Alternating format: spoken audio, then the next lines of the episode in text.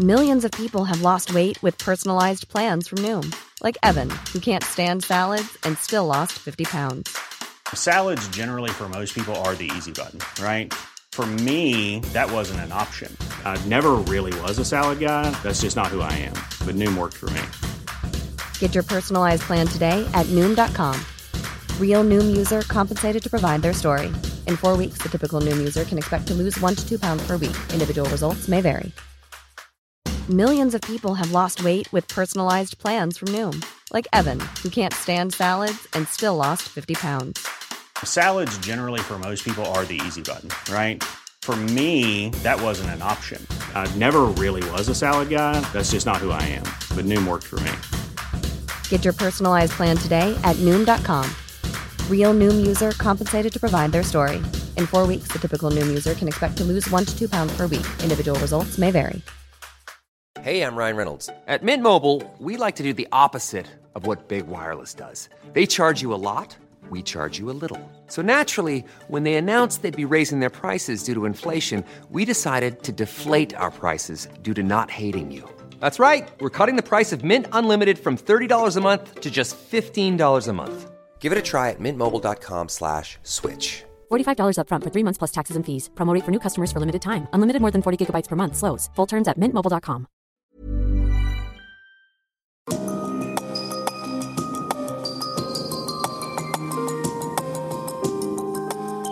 Du lytter til podkast fra Oslo Militære Samfunn.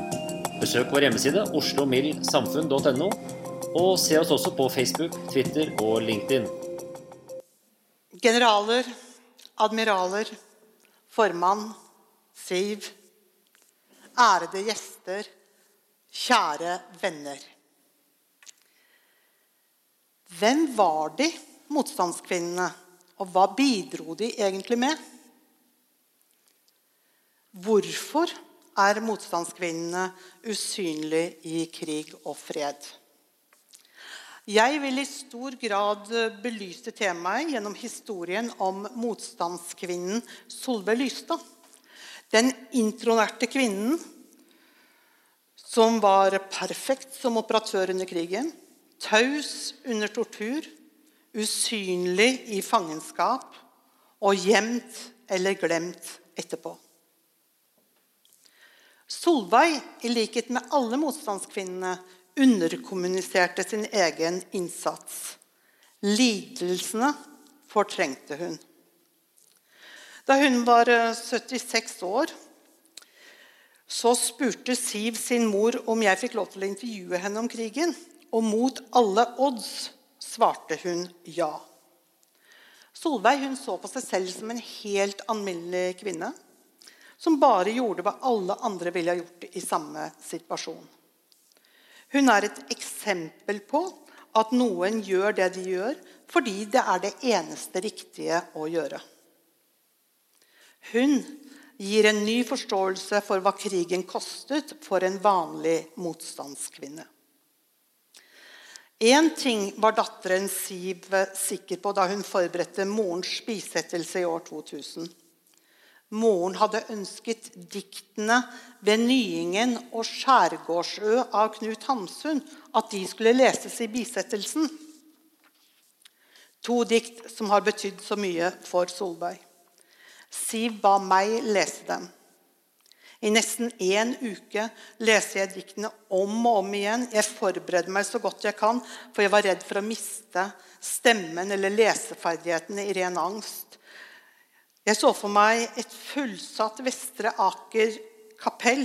Mange mennesker fra fagbevegelsen, motstandsfolk, venner og kollegaer. Alle de som i fellesskap hadde vært med å bygge landet. De som delte de gode minnene, og de som delte de vanskelige traumene. Det var soleklart at alle som fortsatt levde, ville være med på den siste reisen til Solveig. Alle de som visste at Solveig hadde levd et langt liv for kongeriket, først med illegalt arbeid som kunne ha medført dødsstraff under krigen, et helvete på Grini og i Ravensbrück, for så å avslutte med å bygge landet i mange år etter frigjøringen. Jeg så for meg alle kransene og de store bugnene av bårebukettene. Statsbegravelse ble det ikke, men det var noe i den retningen jeg var mentalt forberedt på. Men hva var det de bidro med under krigen, kvinnene? Fortsatt beskrives innsatsen med at kvinnene var uerstattelige. Deres viktigste innsats var som husmødre med daglig ansvar for hus og hjem, barn og dyr. En viktig innsats, men det var så mye, mye mer. Arendalsjenta Solveig vokste opp med politisk aktivitet i lese- og studiesirkler gjennom LO og AUF. Og med sitt gode hode ble hun oppfordret til å søke stillingen som kasserer i Norges handels- og kontorfunksjonærers forbund i Oslo i 1938, slik at hun kunne få mer utdanning på kveldstid. Ved krigsutbruddet fulgte hun ordren om mobilisering og meldte seg til tjeneste på Eina, uten at det førte til noe innrullering i styrkene. Tilbake på kontoret, som hun delte med fire-fem andre kvinner, startet motstandsarbeidet. Medlemmer og tillitsvalgte kom og gikk gjennom hele dagen. Kontoret med medlemskartotek ble hjernen i virksomheten. Meldinger ble mottatt, og meldinger ble sendt, og Solveig ble motstandskvinne. Først i den illegale avisen Fri fagbevegelse, og senere i London Nytt. Med bakgrunn i fagforeningsarbeidet og bekjentskapskretsen det gav, ble hun en nyttig edderkopp. Et eksempel på de mange nyttige bekjentskapene er Jon Christoffersen, kjent fra Lurøy-affæren. Han er senere dekorert med Norges høyeste dekorasjon, Krigskorset med sverd. Han tilhørte en annen gruppe, men med bakgrunn i vennskap og at de begge hadde medlemskap i handel og kontor, sto de for den nødvendige kontakten mellom flere grupper. Det mest krevende som Solveig opplevde, var medansvaret da avgjørelser om likvidering skulle tas. Det var absolutt nødvendig. Det eneste riktige. Det reddet livet på mange motstandsfolk. Like fullt ansvaret for en kollegas henrettelse plaget samvittigheten mest og fulgte henne helt i graven. Etter hvert ble det vanskelig å vite hvem som eh, var blant de hun kunne stole på. Hun ble overvåket. Gunnar Sønsteby, en av våre største krigshelter, har fremhevet kvinnenes innsats. Han understreket at i Norge gjaldt den samme regelen som i andre land, nemlig at bak hver partisan står et nett av 10-12 personer, lavt regnet. Og majoriteten av disse var kvinner. Med bakgrunn i oppgavene til motstandskvinnene er det fristende å sitere fra boken 'Jegerånden' av vår eh, forsvarssjef, general Eirik Kristoffersen. Jeg siterer Logistikk er oftest det som avgjør om en operasjon kan gjennomføres eller ikke. Det sies gjerne at amatører diskuterer taktikk, mens profesjonelle diskuterer logistikk. Sitat slutt. Sønsteby uttalte videre at mange fungerte som etterretningsoperatører, som kurerer. De transporterte sprengstoff, skaffet dekkadresser og mat. Kvinnene i motstandsbevegelsen betydde alt for hjemmefronten. De var dyktige og modige og visste hva de risikerte om noe gikk galt. Kvinner bemannet lyttestasjoner langs kysten vår, produserte og distribuerte illegale aviser som var helt nødvendig for å holde motet oppe. Andre kvinner benyttet seg av stillinger som sekretærer i departementer og i politiet for å skaffe uvurderlige opplysninger og støtte for hjemmefronten. Mange grenseloser var kvinner, og noen få deltok i aktiv kamp. Mange ble arrestert og flere ble utsatt for tortur. Som kvinner kunne de kanskje slippe litt lettere fra en tilfeldig gatekontroll, men ble de først mistenkt og arrestert, fikk de ofte en hardere medfart enn mennene. Mishandlingen ble toppet med systematisk fornedrelse, ydmykelser og seksuelle overgrep. EXU, den dominerende etterretningsorganisasjonen, rekrutterte mange unge kvinner og menn, ikke minst studenter fra Universitetet i Oslo. Astrid Løken og Astrid, Anne Sofie Østvedt var to av fire i sentralledelsen, i tillegg til de mange kvinnelige agentene og medhjelperne utover det ganske land. I EXO benyttet de gjerne dekknavnene sine også etter krigen. Og det er en myte at de aller fleste var menn, for de fleste kvinner hadde mannlige dekknavn. At kvinner kunne utføre de farligste oppdragene, det er det mange eksempler på. Men hvem var så disse motstandskvinnene? Hvem var de? Oberstløytnant Sveri hadde navnet til over 1000 kvinner på blokken da hun sendte ut en forespørsel om uh, intervju. Det var ikke alle som svarte, men av svarene hun fikk, valgte hun ut rundt 50 historier som hun publiserte. Ved hjelp av hustrykkeriet på Forsvarets overkommando. Sterke historier som beskriver mangfoldet av de som bidro, og kvinner fra hele landet. Mange av disse motstandskvinnene var mellom 16 og 25 år, noen enda yngre, og noen også godt voksne, koner eller søstre. Selv om mange ble engasjert gjennom slekt og venner, var det en målrettet rekruttering av kvinner som hadde jobber i næringslivet og i offentlig virksomhet som var overtatt av okkupasjonsmakten, og i utdanningsinstitusjonene. Televerkets kvinner reddet mange. For noen var engasjementet et håp om å påvirke familiemedlemmers situasjon i fangenskap. For andre var det spenning eller politisk overbevisning. Kvinner i fagbevegelsen ble rekruttert med bakgrunn i ideologi og solidaritet. De hadde fordelen av å kjenne hverandre fra studiesirkler og lesesirkler og fra politikken. Og felles for dem alle var troen på et fritt Norge og viljen til å slåss for saken. Solveig fikk sin styrke på troen om likeverd, solidaritet og fellesskap. Det ble kalt kvinnelist når kvinner ble disponert som honningfeller eller beordret til å fraternisere med fienden. Kvinnelist var blodig alvor som kunne koste både liv og helse. Og for mange kostet det helt feilaktig deres gode rykte. Motstandskvinnen Solveig Lystad kan være symbolet på en motstandskvinne. Og jeg skal gi dere en kortversjon av hennes historie.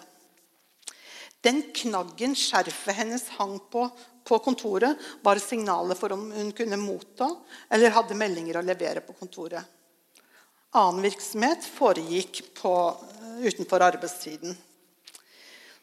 Jeg tenker Når jeg sier kontoret, så var det i Gassmannsgården i Storgaten 12. Og når jeg ser de der Stormbull og Gassmannsgården, så får jeg litt spesielle følelser når jeg går forbi der.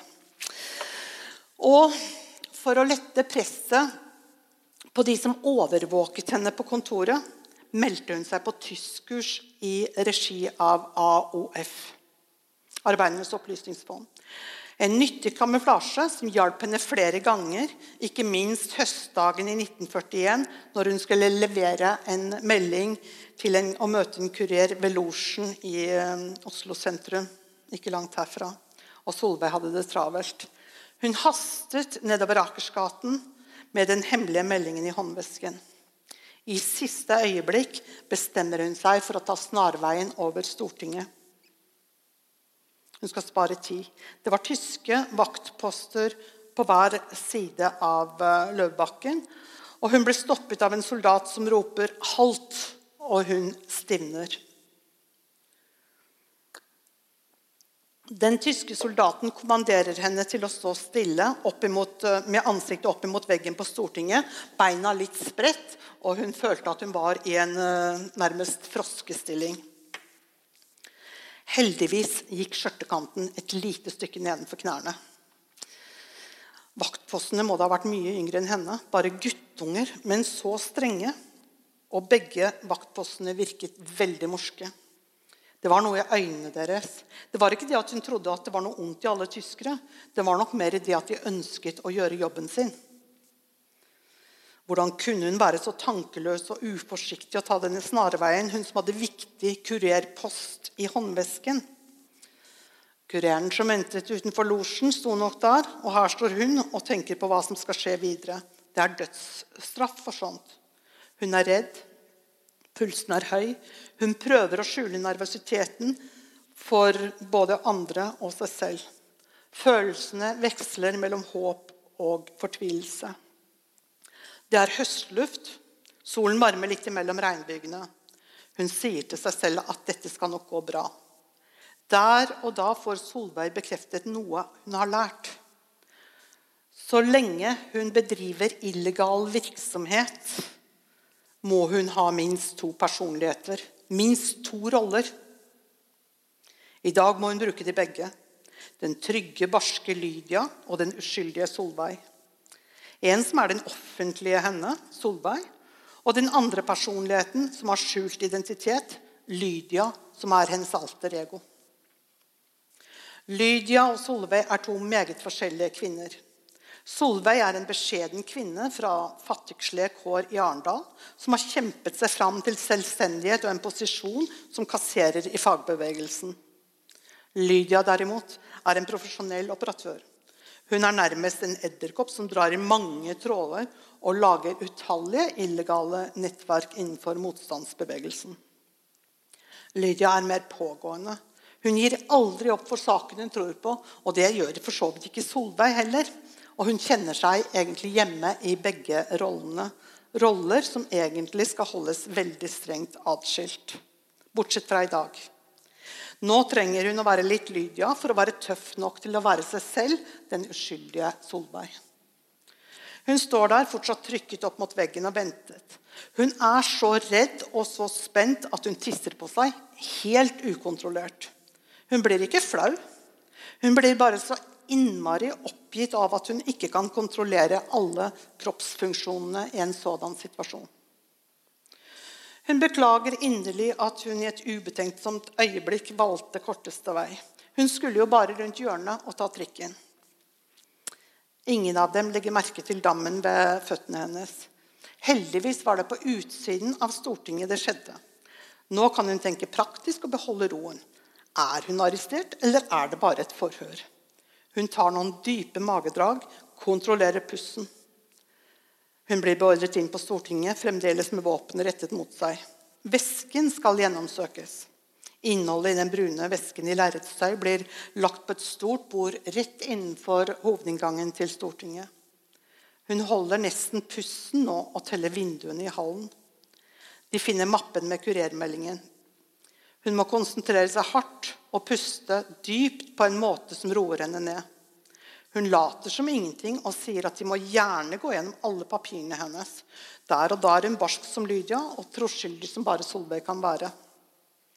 I mappen, de, I mappen, finner de bunken med tyske notater, og de hever et par, stemmen et par hakk når de spør hva det er. Hun sier som det er. Det er kurspapirene hennes. Hun går på tyskkurs. Hun beklaget at hun ikke kunne ordlegge seg bedre på deres eget språk, men forsikret at det ville bli bedre når hun var ferdig på kurset. Redd har hun vært mange ganger, men aldri i tvil eller redd for å utføre oppdragene sine. Hun er bare veldig redd for å kunne komme til å utsette andre for fare, eller at oppdraget skal mislykkes. Er hun like heldig denne gangen? Ja, hun kan gå hjem, men heretter må hun følge reglene deres. Hvilket hun selvfølgelig lover å gjøre. Og hun er lettet. Det gikk bra, til tross for at hun hadde opptrådt uforsiktig. Hun er overlykkelig over at hun begynte på tyskkurset, og at hun alltid har kurspapirene med seg. Mellom papirene fra tyskkurset i mappen som ble kontrollert, ligger meldingen til kureren. Den er skrevet i kode, basert på tyske navn og ord. Det er derfor hun alltid har kurspapirene i vesken. Kurermeldingen er trygg, hun er trygg. Nå skal den bare leveres til forhåndsavtalt tid på reservemøtestedet. Hun puster lettet ut. Nå har hun det ikke travelt lenger. Hun er klar over hva hun er med på. At hun satser med livet som innsats. Om noe går galt, kan man faktisk bli skutt. Hun er alltid på vakt. Nettopp derfor må det aldri være tvil om at det hun gjør, er det eneste riktige. Hun gjør det hun er overbevist om er riktig for konge og fedreland. Nøkkelen til å holde hodet klart ligger i pusten. LO ble nazifisert, og hun ble overvåket. Hun kunne ha blitt oppsagt, hun kunne blitt arrestert på, på, bare på antakelsene, men hun ble oppsagt. Hun ble sparket fra jobben. Tyskerne og deres medhjelpere hadde kanskje et håp om at hun, som enslig, uten lønn og jobb, skulle avsløre de hun drev motstandsarbeidet sammen med i fagbevegelsen. Redningen ble venner fra Arendal med en liten forretning på Frogner. De var ikke en del av det organiserte motstandsarbeidet, og planen var enkel. Knut, som eide Forretningen gikk til Oslo arbeidskontor på formiddagen 13.2.42 og søkte etter en kontordame. Solveig gikk til samme kontor på ettermiddagen for å melde seg arbeidsledig og ble tilvist stillingen umiddelbart. Hun fikk jobben, og motstandsarbeidet kunne fortsette, om enn på, et litt, på en litt annen måte. Torsdag 2. juli 1942 ble hun arrestert samme dag som hun hadde bestilt hjemreise med kystruta til Arendal for å slappe av noen uker sammen med familien. En sivilkledd mann står utenfor døren på hybelen hennes og sier 'Stopp, frøken Lyssa, ellers skyter jeg'. Etter å ha stoppet med et rykk spør hun tilsynelatende forbauset om hva er det som skjer. Mannen sier at han har ordre om å hente henne. Hun må umiddelbart bli med til statspolitiet i Henrik Ibsens gate nummer 7. Hun vet veldig godt hvor de holder til, og hun vet hvilke aktiviteter de bedriver der. Alle tankene som går gjennom hodet hennes nå, er tenkt før. Hun er mentalt forberedt. Idet hun setter seg inn i den ventende bilen, tar hun farvel med sitt illegale liv. Hennes alter ego, den tøffe Lydia, blir fjernet fra rollelisten. Visst skal hun være tøff, men nå er det den uskyldige Solveig som har hovedrollen. Hun er iskald og fortvilet, og helt alene. Hun må takle det ukjente som kommer. Hun kan ikke falle ut av originalrollen nå. Hun er den uskyldige Solveig, så uskyldig som hun var før hun begynte med illegalt arbeid. Hun føres igjennom en lang gang. Det sitter mennesker langs veggen på begge sider. Alle stolene er opptatt. Noen er eldre, men de fleste er på hennes egen alder eller yngre. Noen bare barn. Hun unngår å møte blikkene deres, men observerer. De fleste stirrer ut i luften. Det er det største venteværelset hun har sett. Hun ser mange kjente uten å se direkte på dem. Hun blir spurt senere om hun kjente igjen noen av de andre arrestantene ute på gangen. Hilste hun på noen? Hun svarer resolutt at hun ikke kjente noen av dem. Og hun ikke, tenkte ikke på noe annet enn akkurat hvorfor i all verden hun var der. Men hun må vokte seg hele tiden.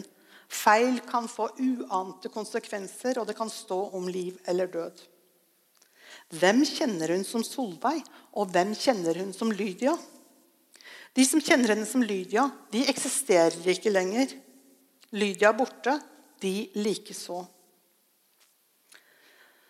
Avhørsrommet er lite, trangt og har dårlig luft. Det føles vanskelig å puste. Hun møter beskyldninger om at hun bedriver illegalt motstandsarbeid. Og de har gjennomført flere arrestasjoner, og navnet hennes har kommet opp i flere omganger. Hun vet hun må si litt, noe helt ufarlig og langt fra alt. Absolutt ikke mer enn det de har bevis for, og absolutt ingen navn. Etter de tilforlatelige spørsmålene innledningsvis blir Solveig satt under tøffere avhør som varer gjennom hele natten i 14 lange timer uten pause. Etterpå tenker hun det er ikke bra, men det kunne vært verre. Etter avhøret blir hun fraktet til det gamle fengselet bak Grønland kirke i Åkerbergveien. Turen tar ikke lang tid, men lenge nok til at hun sovner. Innelåst på cellen så føler hun på en måte at alt det vonde er låst ute. Hva som skjer videre, er uvisst, og det veksler mellom motløshet og håp. Blir det liv eller død, eller noe midt imellom, som må bli slått helseløs? Solveig bestemmer seg for å overleve. Dette er ikke slutten, bare en ny, vanskelig fase i livet. Hun må være rolig og beholde fatningen, vett og forstand. En uke er gått. Tofteberg og hans underlagte Dønnum og Torhus fra statspolitiet trodde kanskje at hun mørnet av å sitte i isolat og ble villig til å snakke.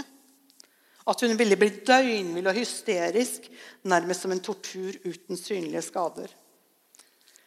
Det går bra andre og tredje uken på isolat også. Ikke minst takket være bestyrerinnen, som jobbet for okkupasjonsmakten, men som var en god nordmann. Tiden i fullstendig isolasjon benytter Solveig til å forberede seg til neste avhør. Hva kan hun si, og hva kan hun ikke si? Den tredje uken tror hun kanskje at hun har glemt, men hun vet jo innerst inne at de som er fiender av okkupasjonen, de blir ikke glemt. Den fjerde uken lurer hun på hvordan hun kan aktivisere tankene sine positivt. Hun begynner med alfabetet. Finn tre byer i Europa på hver bokstav. Deretter følger hovedsteder. Hun hopper over noen bokstaver, men takker deltakelsen i studio- og lesesirklene for alt hun har lært om geografi. Hun skal ikke miste verken forstanden eller livslysten. Den gleden skal hun ikke gi dem. Solveig er en vever kvinne, men langt sterkere enn hun ser ut til, og hun er klar til kamp. Etter fire uker på isolat i Åkerbergveien blir hun overført til Grini.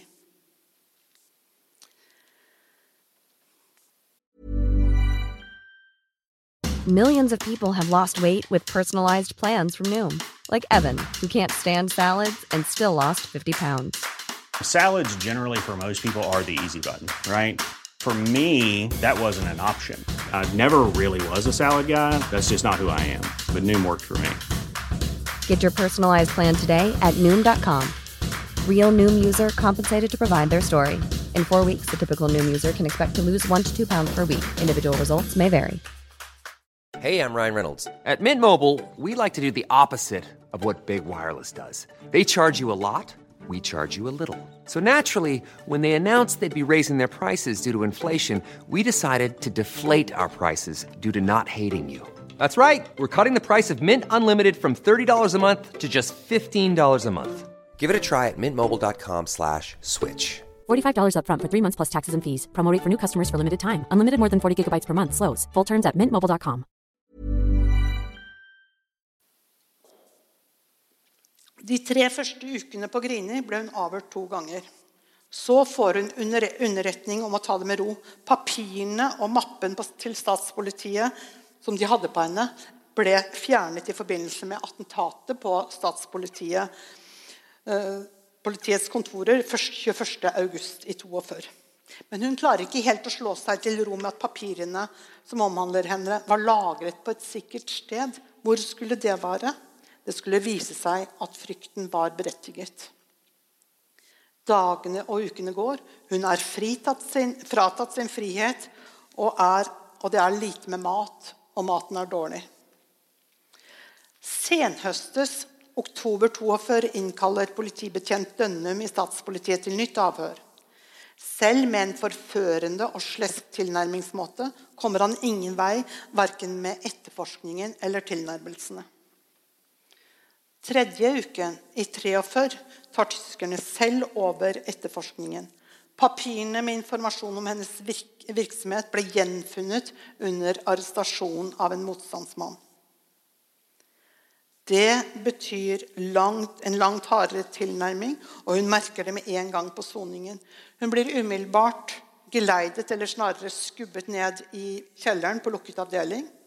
Vinduene er overmalt, og igjen er hun isolert fra omverdenen. Tyskernes avhørsteknikk var mer rå og brutal enn hun hadde opplevd tidligere. Hun trenger Lydias styrke og tøffhet, men med én begrensning. Hun må bære Lydias styrke inne i seg. Nå mer enn noen gang tidligere gjelder det å gjøre seg så liten, uskyldig og ubetydelig, nærmest usynlig. Hun får noen eh, saftige slag. Hun biter tennene sammen og knytter nevene. Slagene endrer ikke de svarene hun gir, ei heller når slagene blir forsterket med spark. Hun har vondt, hun er rasende. Avhør på Victoria terrasse er, er tortur. Slag og spark gjør fysisk vondt, men det går over. Det psykiske presset er verst, nesten uutholdelig. Avhør to til tre ganger i uken over en periode på fire uker. Tre ganger blir hun hentet til avhør på Victoria terrasse denne uken. Avhørene fortsatte oftest til hun ble sanseløs eller mistet bevisstheten. Slag og spark ble forsterket med batong, med og uten ståltråd. Batong og ståltråd barbarisk og nedrig hver for seg. At Lydia tar seg av det tredje avhøret, nærmest som en ut-av-kroppen-opplevelse, gjør det lettere å utstå. Lydia tar smerten, og hun, Solveig, skal pleie henne når hun kommer hjem til cella. Tenk at psyken kan manipuleres til å tåle mer. Et par måneder med avhør, etter et par måneder med avhør fastslår bokstavelig talt den tyskeren som ledet avhørene, at det ikke var mer å hente, og hun er klar for transport. Hva nå det måtte bety. Beskjedenhet er en dyd som kanskje bidro til at hun klarte å gjøre seg litt mer ubetydelig og litt mer usynlig enn det tyskerne trodde. Det var en seier etter 14 måneder som fange nummer 3597 på Grini. Hun skal deporteres til Tyskland. Hun vet ikke hva det betyr, annet enn at det er verre enn Grini, for det ble brukt og omtalt som en trussel. Det er tidlig onsdag morgen 6.10.1943. De 25 kvinnene som ble fraktet til Akershus-kaien, må vente litt før de blir ført om bord. Skipet heter Monterossa. Det må være om lag 150 meter langt. Det var stort. Hun fyller lungene med frisk norsk luft når det blir kommandert om bord. Synet av Akershus festning, majestetisk og solid i mer enn 600 år. Festningen som har overlevd ni beleiringer. Tyskerne har bare overtatt den midlertidig. Det gir et håp. Selv med følelsen av å være innesperret i en hermetikkboks ble overfarten til Danmark bedre enn fryktet. Og det var først og fremst fordi at de for første gang siden arrestasjonen kunne kjenne seg mett. De fikk god mat på overfarten. Den påfølgende togturen og fengselsopphold underveis i Tyskland varslet endring. Lite mat, lopper og lus er én ting. Sadistiske fangevoktere med pisk og menneskevonde hunder, død og fordervelse er noe annet. De hadde ikke før kommet gjennom porten til Ravensbrück den 14. oktober i 1943, før første oppstilling ble kommandert. Det var småkaldt, men kåpen hennes varmer. Brått biter frosten seg fast under huden. Ikke pga. temperaturen, men uhyggen. Hun hører svisjlyden av vaktenes lærepisker og fangenes fortvilte hyl. Solveig ser dem i en lang gate med et endeløst antall lave blokker. Ravensbrück er den eneste konsentrasjonsleiren nazistene opprettet for kvinner, og den ble etablert ved krigsutbruddet i 1939. Første året rommet den i underkant av 2000 tyske fanger. Kvinner som var i opposisjon til Hitler og hans patriarkalske nasjonalsosialisme, eller rett og slett såkalte utskudd som Hitler ønsket å fjerne fra det offentlige rom. Senere fulgte kvinner fra de tyskokkuperte områdene. Motstandskvinner eller kvinner som tyskerne antok var det. Hvorav 103 norske, ni døde. På det meste var det 45 000 kvinner i leiren samtidig.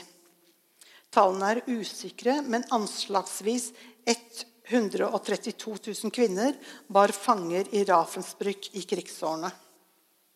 Av disse er antallet drepte i ettertid anslått til å være minst 50 000.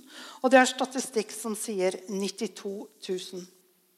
Bevisene på antallet fjernet tyskerne da de begynte å tape, og de ble brent, fjern, brent i krematoriene eller fjernet. Fangene selv omtalte leiren som en utryddelsesleir. Det var den. Du levde så lenge fangevokterne ønsket det, og du kunne arbeide. Historiene fra Raffensbrück er så grusomme at de lenge utlot, unnlot å fortelle om den. De antok at ingen ville tro dem. Jeg har forsøkt å formidle litt av det i boken min. 19 måneder etter ankomsten til leiren, faktisk den 9. april i 1945, ble hun hentet med de hvite bussene fra Røde Kors og kjørt den lange turen til Ramløsa i, Tysk, i, i Sverige for restitusjon. Vold og tortur, sult, nærmest hunger, Hardt arbeid, elendige hygieniske og sanitære forhold i tillegg til fysisk og psykisk lidelser og smerte har satt sine spor. Med sine 36 kilo fordelt på 161 cm blir hun nesten borte mellom puten og filtdynen i sengen på Ramløsa. Nesten tre år senere, to år og åtte måneder etter at hun ble arrestert, arrestert, starter hjemreisen for å bygge landet og bygge et nytt liv. Denne gangen er togreisen med tid til ettertanke og refleksjon helt annerledes enn den togturen til helvete. Hun var rukket å bli 29 år. Mange illusjoner brast da hun kom hjem for å bygge landet. Det var et vanskelig liv som møtte Solveig. Samfunnet er svært forskjellig fra det hun reiste fra. Selv om det fortonte seg som om tiden hadde stått helt stille blant mange kollegaer og, og venner. De fleste krigsfangene kommer hjem sterkt redusert med fysiske og psykiske skader. De er en uensartet gruppe med helt ulike behov. Nerveplager blir en fellesbetegnelse for de alle. Men hun klarer å skjule angsten. Hun fortrenger den. Tolv år etter hjemkomsten finner hun kjærligheten og gifter seg. Hun som aldri skulle bli gravid, hun som aldri trodde det var mulig å bli gravid etter alt hva kroppen hadde vært utsatt for, fødte datteren Siv to måneder før hun ble 42 år. Da avsluttet hun sin yrkeskarriere, men samfunnsengasjementet beholdt hun. Hun ville gjerne at datteren skulle ta en kunstnerisk utdannelse. Men datteren sto på sitt. Hun ble offiser i Hæren, sivilingeniør i Hærens samband og pensjonert som oberstløytnant for et par år siden.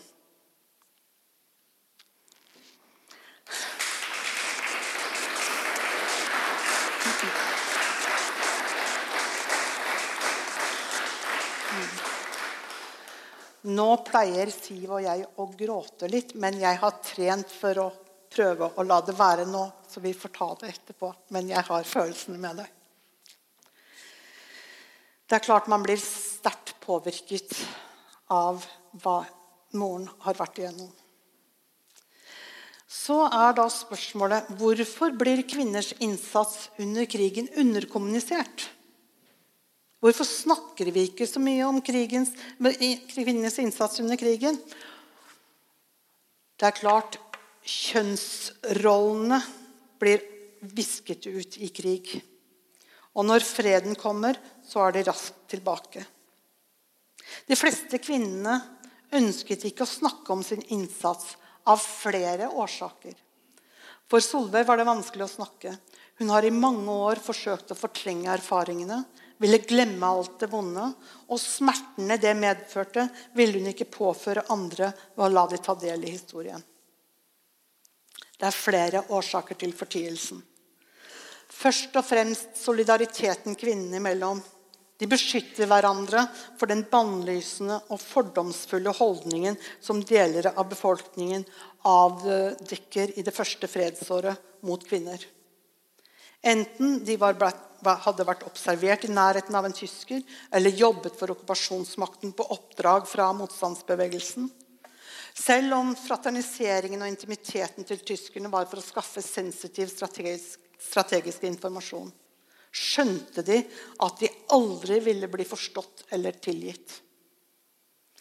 Et dårlig rykte kan ikke rettes opp. Det ser ut til å følge slekters gang, uansett hvor mange gode nordmenn det er som kan bevitne det motsatte. Redselen for å bli misforstått og dømt av befolkningen for landssvik basert på antagelser om omgang med tyskerne Nei, de ønsket bare å komme seg videre i livet.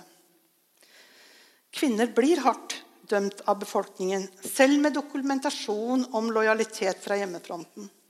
Fordømmelse og hat kommer også fra egen familie, fra foreldre, søsken, ektefeller og kjærester. Kvinnene hadde tilbrukt mye tid utenfor den sosiale kontrollen familien tilsynelatende burde hatt over unge kvinner.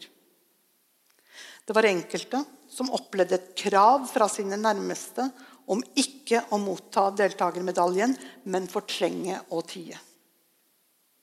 Dette presset og manglende oppfordringer til å ikke fortelle sine historier gir ikke næring til selvhevdelse og anerkjennelse.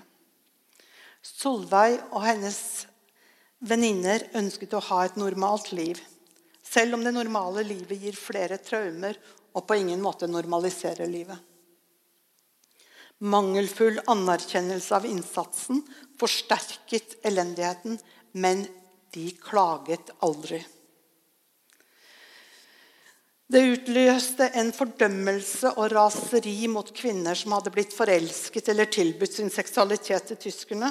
Snauklipping, avkledning, terrorisering, isolering, utestengelse og i de verste tilfellene voldtekter blir legitimert av flokkmentaliteten til pøblene som opphøver seg selv til å være dommere over kvinner uten rettssak. Mobbens atferd forsterker angsten, og mange holder kjeft om krigsdeltakelsen av fare for å bli satt i feil bås. Solveig har i ettertid vært veldig opptatt for at hendelsene ikke må tas ut av det historiske perspektivet rett etter at Norge har vært okkupert i fem år. Det er imidlertid ingen formildende omstendigheter for å opptre slik pøblene gjorde, mener hun. Solveig ga sitt æresord til fellesskapet, og ingen andre enn henne, hennes egne kunne løse henne fra det. Er det lettere for kvinner å opprettholde taushetsplikten?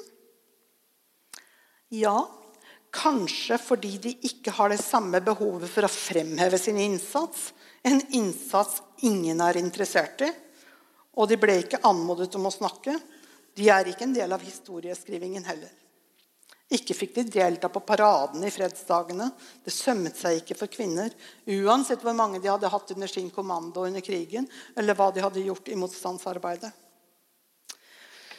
Situasjonen ble på ingen måte bedre for kvinner da Stortinget i et hemmelig møte 14. mai 1946 vedtok å sende 4000 soldater til Tyskland. Forsvarsdepartementet med statsråd Jens Christian Hauge ønsket at Tysklandsbrigaden skulle ha et kvinnekorps. Kampen mot kvinner i uniform i Tysklandsbrigaden var uventet og særdeles vulgær. Kanskje hadde situasjonen vært annerledes om ikke Hauge selv hadde tåkelagt kvinnenes innsats under krigen. Kampen mot kvinner i Tysklandsbrigaden ble ledet av den norske avdelingen i, eh, av Kvinner for fred og frihet. Det, er, eh, det var ikke uvanlig at kvinnelige soldater ble trakassert og spyttet på i enkelte eh, miljøer i 1946. Glemt var verneplikten innført for kvinner under krigen. Glemt var kvinners innsats i motstandsarbeidet og for freden. Det er nok en vesentlig årsak til at flere kvinner og deres nærmeste holdt kjeft om innsatsen under krigen. For Solveig var det et dilemma. På den ene siden var det en fare for at grusomhetene blir glemt før de blir kjent. På den andre siden sitter det langt inne å blottlegge seg. Solveig ville ikke utsette de utsette andre for de følelsene hun sliter med. Vil ikke påføre andre sin egen angst og absolutt ikke ha medlidenhet. Dessuten kan det være at hun har oppfattet ting annerledes eller husker annerledes enn andre. Og hun stilte spørsmålet hvem eier sannheten? Hverdagen var tortur Avstraffelser, ydmykelser, hardt arbeid, lite mat, kulde som kunne være like plagsom som varmen på varme dager. Det var en kamp for å overleve. Det var vondt å se andre utsettes for tortur uten å kunne gripe inn. Hun kan fortsatt kjenne pisken og høre resonansen fra skjelettene som skrangler under slagene. Ser og kjenner lukten av dem som ikke overlevde torturen. Lukten fra krematoriene. Følelsen for ikke å gripe inn, selv om det ofte ville bare gjort vondt verre. Spørsmålet var om det var verdt det. Det var stoltheten av at de sto imot, sloss og vant, som gjorde at det var verdt det. Det var verdt det. Solveig forble usynlig, men ikke glemt. Hun får deltakermedaljen i posten i november i 1995. 50 år etter frigjøringen. Mine damer og herrer, jeg nærmer meg avslutningen. Historien om Solveig gir en forståelse av hva krigen kostet for en vanlig kvinne. Hun er også et eksempel på at noen gjør som de gjør, for det er det eneste rette å gjøre. Hvordan kan vi hedre motstandskvinnene? Tidligere leder for eh, Norges hjemmefrontsmuseum, Arnfinn Moland, har helt rett når han i 2015 uttalte at mye var gjort, men at det fortsatt manglet et komplett verk om kvinners innsats. Hva kan vi gjøre 80 år etter angrepet på Norge, 75 år etter frigjøringen for å hylle kvinnene. I år markeres også FNs sikkerhetsrådsresolusjon 1325 Kvinner, fred og sikkerhet. I den forbindelse anmoder jeg om et løft for synliggjøring av kvinners innsats militært og sivilt under andre verdenskrig. Og jeg vil utfordre forsvarsministeren til å sette av midler til Forsvarets høgskole for doktorgradsstudier om kvinners innsats under krigen. Avgjørelsen haster, og en bekjentgjørelse under jubileumsmarkeringen i november vil styrke vår rolle i Sikkerhetsrådet og vise at satsingen på kvinner, fred og sikkerhet er mer enn bare en handlingsplan. Kanskje i en tid hvor statuer rives, at det er på tide å reise noen statuer av kvinnene og deres innsats under krigen. Ikke erstatte de som rives, for det er også helt håpløst, men nye statuer av kvinner. Mine damer og herrer, helt avslutningsvis vil jeg si noen ord om avskjeden til Solveig. Bisettelsen ble holdt i Vestre Aker kapell med en håndfull mennesker til stede, foruten Siv og hennes samboer, tre medfanger fra Ravensbrück, tre fettere av Siv, et par naboer og meg. Jeg knakk sammen da kisten ble senket i gulvet. Da så jeg for meg mange av de hendelsene Solveig hadde fortalt om. Ikke bare krematoriene og asken, men livet i fangenskap. Hvorfor kom det ikke flere til bistelsen? Mange er døde. Andre hadde nok vist takknemlighet om historien var kjent. De sa til hverandre at ingen vil tro på grusomhetene. Mange vil, bare, mange ville ikke høre og slett ikke tro. De fleste fortalte ingenting. Solveig fortalte meg sin historie før hun døde. I hvert fall deler av den. Vi må formidle historien i en tid med fremmarsj for nynazisme og populisme.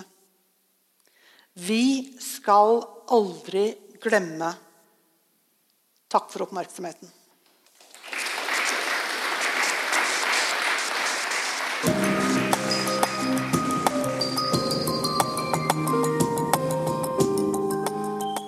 Du har hørt podkast fra Oslo Militære Samfunn.